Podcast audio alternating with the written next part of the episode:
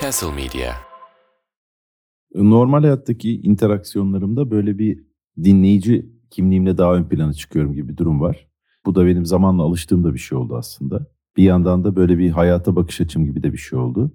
Çünkü şöyle bir yaklaşımım var. Beni çok alçılıyorlar tamam mı?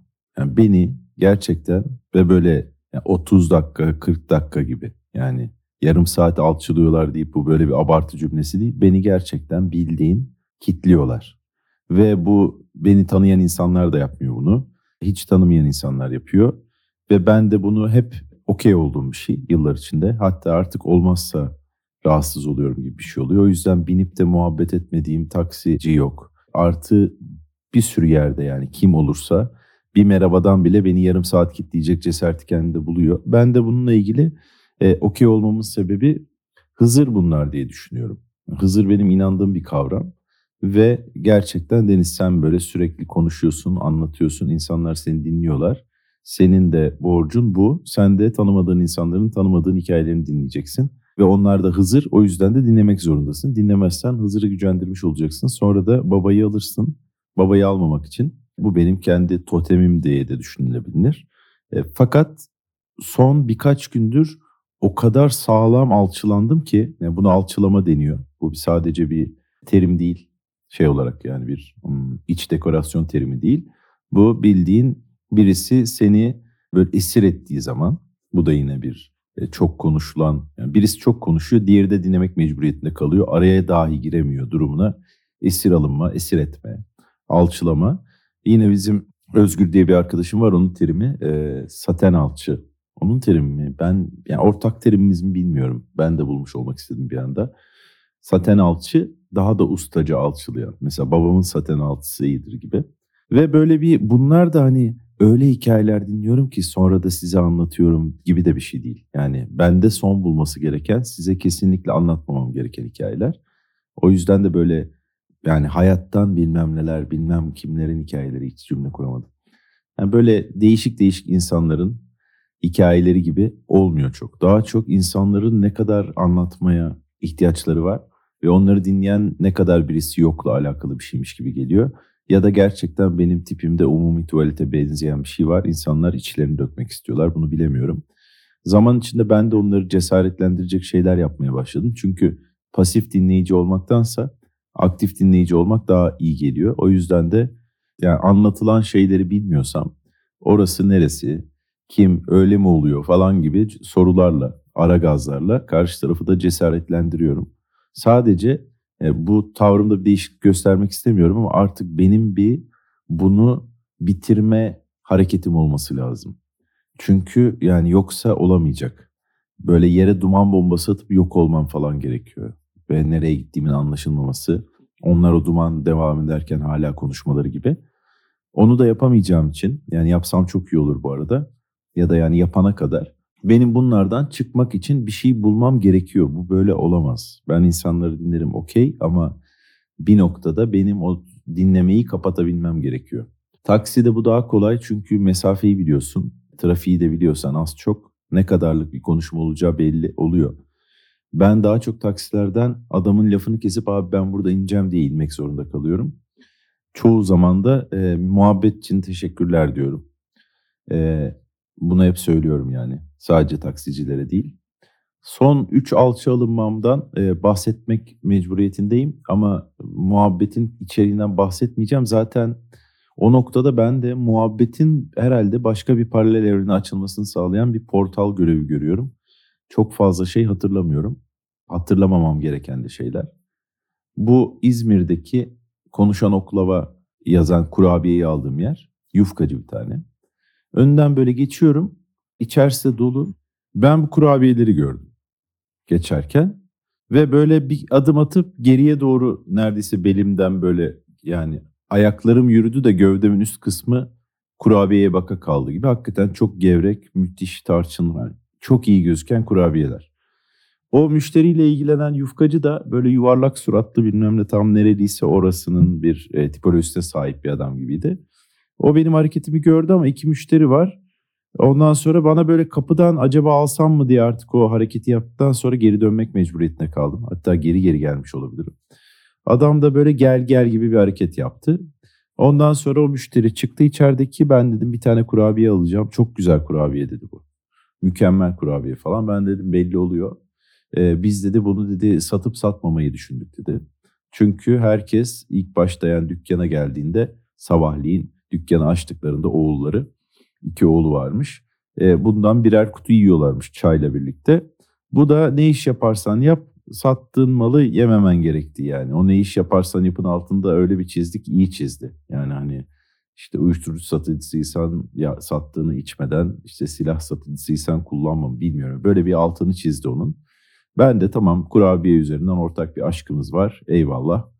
E, fakat o oğullarından aslında topu önünü açmış ben onu fark etmedim. Çünkü bu alçılayan insanlarda dikkat ettiğim bir şey de şu bir setleri var.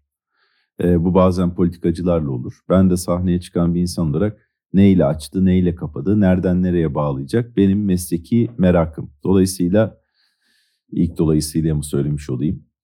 Yani adamın e, bu tip anlatıcıların bu tip şeylerine bakıyorum. Orada oğlundan nereye bağlayacağını ben öngöremedim. Ne kadar geniş alacağını da. Ben de geniş alan bir insanım. Öyle bir geniş alma modeli yok yani. Yörüngeden döndü gibi bir şey oldu adam. Ve ilk önce oğullarına dükkanı bırakmak istediğinden, kendisi bir noktada bu işi yapmak istemediğinden, sonra e, aynı kendisinin durumunda olan onların mahallede yaşayan bir adam ve onun oğullarından.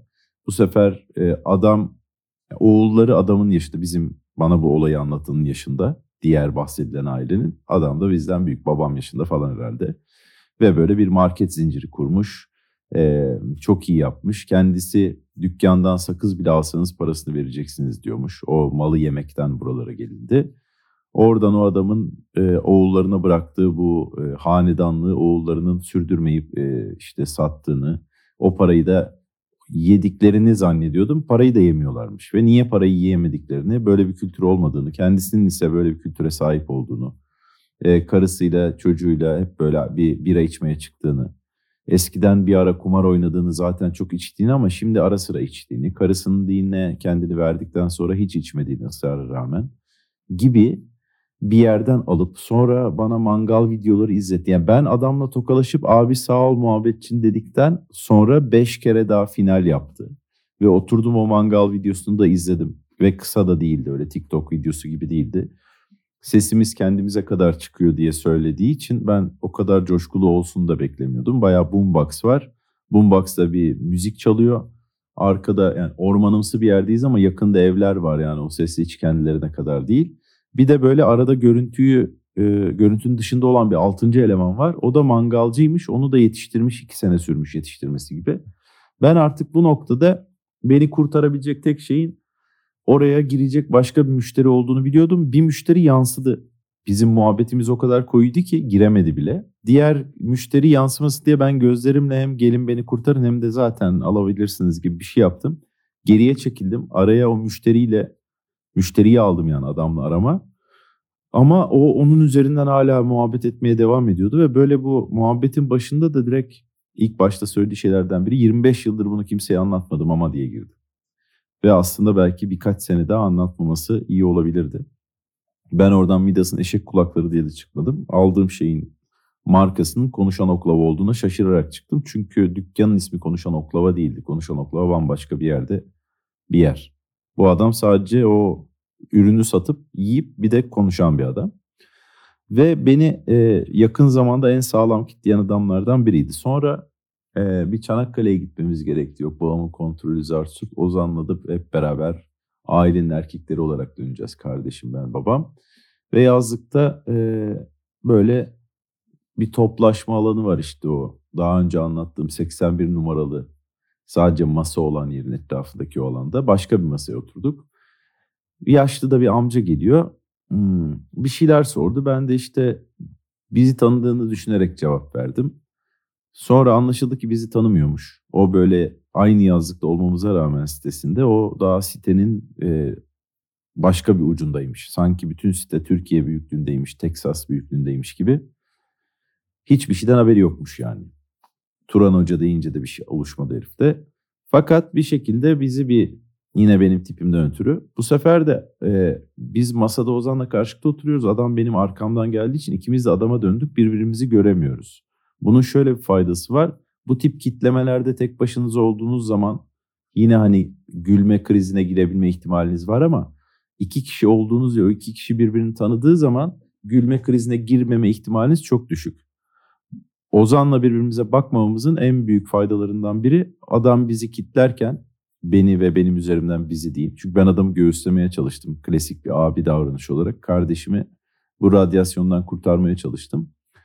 O adam da e, uçak mühendisliği yapmış ama tam olarak uçak mühendisi mi bilmiyorum. Yüksek tekniker mi, askerliği mi öyle yapmış. Oradaki eyyamı bilemiyorum ama oğullarından biri de uçak mühendisi olmuş. Kar, kızı da e, medikal sektördeymiş galiba. Doktor demediğini hatırlıyorum. E, ve 8 bin kitap okumuşmuş varmış evde. Hepsini de okumuşmuş. E, felsefe üzerineymiş. Bir takım arkadaşlar toplanıyormuş. Kahramanı Atatürk'müş. E, ama aynı zamanda muhafazakar bir adam. E, o yüzden kahramanlarından biri de Hazreti Muhammed'miş. İki durumda da Atatürk'ten sonra da e, Hazreti Muhammed'den, Muhammed'den sonra da e, işlerin iyiye gitmediğini düşünen birisi. E, o konuda da ayrıntılı yorumları var. Ve adam setine girdi. Ayakta üstünde yelek var. Biz o kadar sıkı giyinmiş değiliz. E, ben zaten bir noktada ufaktan titremeye başladım. Adam böyle üşüyorsun canım sen de üşütmeyeyim lafı uzatmayayım. Bu lafı uzatan adamların lafı da uzattım uzatmayayım gibi bir eyyam var. Kitleyen beni alçılayan, saten alçılayan, esir eden insanlar için e, yapabileceğim en büyük eleştiri bu kitlemelerinin bilmemlerinin dışında. Hadi o insanlık hali içini dökmek ihtiyacı hissettin. Bari kafanızı şişirdim deme yani. Kafanızı şişirdim deme. Kafamı şişir ama bunu deme. Çünkü deyince kafamı daha çok şişireceksin ve bu eyyama gerek yok. Evet şişirdim mi diyeceğim ben sana. Belki de demeliyim bilmiyorum. Ve aldı gazı e, kendi tarih görüşünü buna karşı çıkanları işte gençlerin halini tabii ki bu adamlar hep birazcık e, günümüze ayarlı olamamış adamlar oluyorlar. Zaten adam o odasından 8 bin kitabın arasından hepsini okuyup biraz önce çıkmış gibiydi. Ve uzun bir süredir de orada gibiydi. Gözlerini belerterek tatlı da bir adamdı bu arada.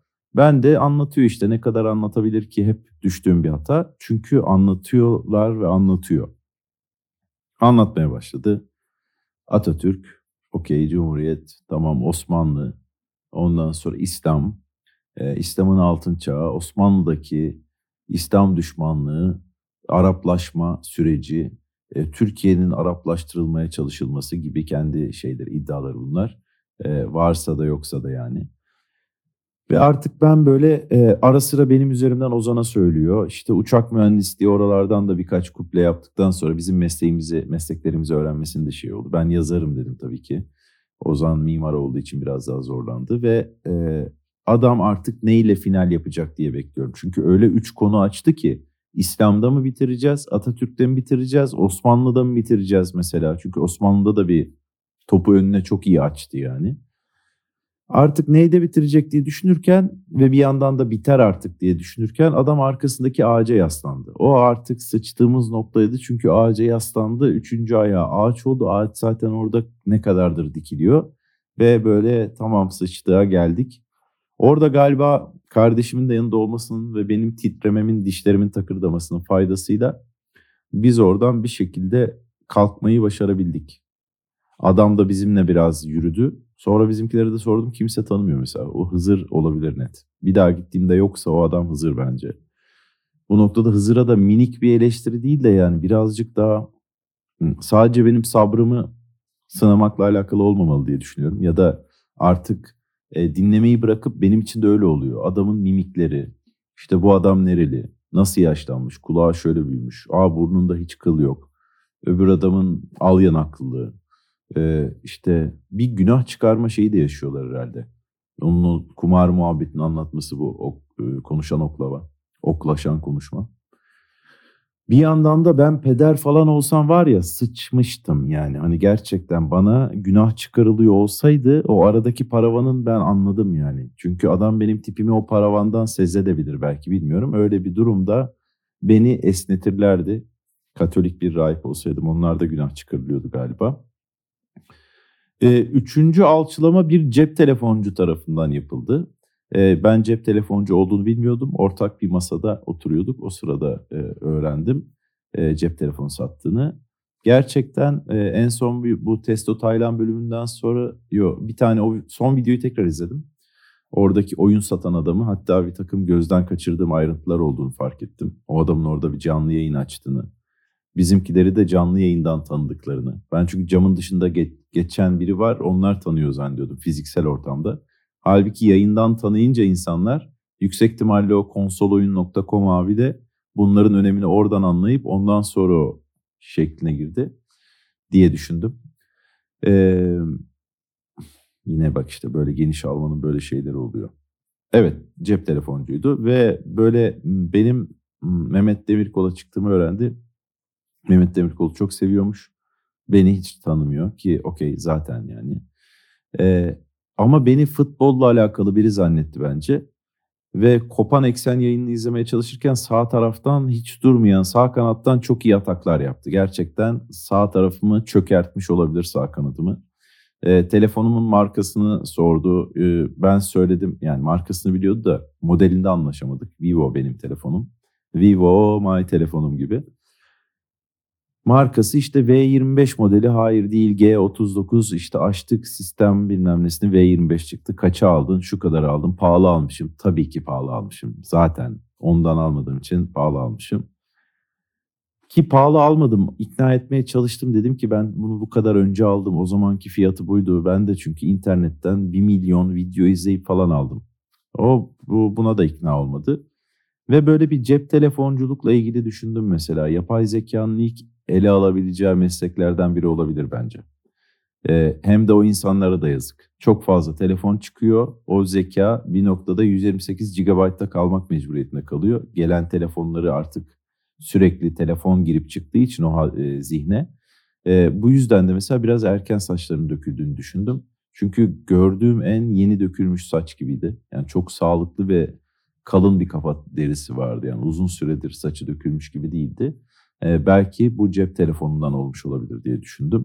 Ya da cep telefonuyla bu kadar haşır neşir olmakta.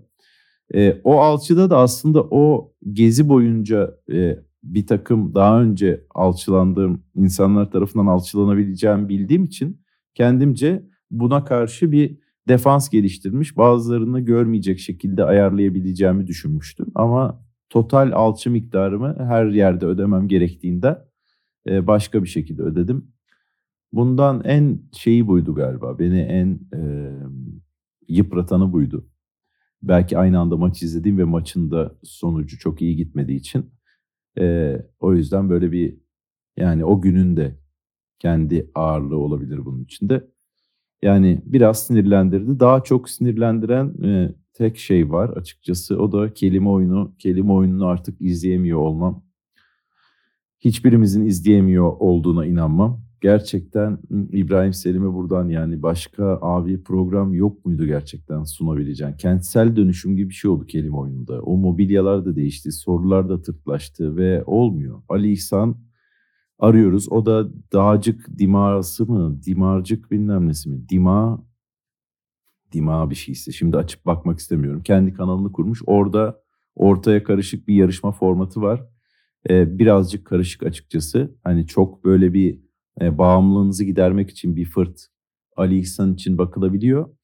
E, ama yani yine de kelime oyunun yerini tutmuyor. Bazen Ali İhsan zamanında katılan ya da katılmak isteyen insanların sektiğini düşünüyorum. Onlar böyle onu hatırlatmak için bir şeyler söylüyorlar. Diyorlar ki mesela derin bir nefes alayım mı diyorlar İbrahim Selim'e. İbrahim Selim diyor ki alma bana ne derin nefesinden falan gibi. Onun öyle bir hafif bir tarzı var ya.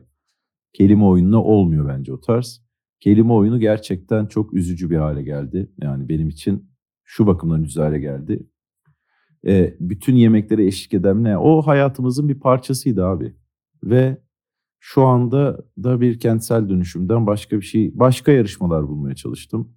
E, ben bilirim Türkçe bir yeni bir yanlış girdim. Şey bir format, yerli ve milli bir format. Ve böyle çok güzel ışığı mışığı. O çocuğu da seviyorum ben sarışın olanı. Ama onun da benim de e, belki bir hatamız olabilir. E, böyle yakınlarda annem Türkçeme bir eleştiride bulundu. Çok yabancı kelimeler kullanıyorsun dedi. Ben de anne come on dedim. Ve e, dolayısıyla ve gibi kullanımı, ondan sonra kullanımı gibi ara sıra benim dilime dolanan e, mesela falan diyordum sahnede sonra kendime çok kızdım. Oğlum sahneye çıkıyorsun, insanlara anlatıyorsun, millet dinlemeye geliyor orada falan deme işte falanı anlat. Burada da hakikaten o tip eleştirileri haklı buldum. Sonra da bir önceki bölümde dememeye çalıştığım sürekli diyormuşum. Yani şimdi bunu söyleyerek de kulağınızın buna takılmasını istemiyorum ama ben bilirim de kutlarız ve tebrikler diye e, karşılıyor soruları bilen insanları. Ve hep ya kutlarız ya tebrikler. Hatta bazen onu çekmiyorlarken bir düğme var diye düşünüyorum orada. Oradan basıyor kutlarız diye. O da yorulmasın diye çok mantıklı. Bir kioskluk örneği. E, bu tip şeyleri randomlaştırmak hepimiz için daha e, güzel. Buradan ben bilirime e, söylediğim bu. Bu arada bir tane daha efsane Kim 500 milyar ister gibi bir yarışma var. Onun fotoğrafını da çektim. Hangi kanalda olduğunu bulmam lazım. Yazlıktaki saçma sapan işte ne olduğu belirsiz böyle bir çok eski ama bir takım kanalları da çekebilen kutumsu şeyler var ya çok ufak. Onlardan var orada bir kanaldı. Ama fotoğrafını çektim. Kadın bir sunucusu var. Kim 500 milyar ister formatında ama ortada 500 milyar yok. Ne olduğu da belli değil para olarak. Ee, ve kadının da tarzı çok iyi bence. Tarzı derken konuşma tarzı böyle bir e, hiç tınmaması. Bazen mesela yarışmacıya bir şey soruyor. O cevap veriyor. Diyor ki bir dakika kulaktan bir şey dediler ya çok özür dilerim sizi dinleyemedim gibi bir rahatlığı var. Ondan da bilare bahsederim ya da fotoğrafını filenini koyarım. Görüşmek üzere.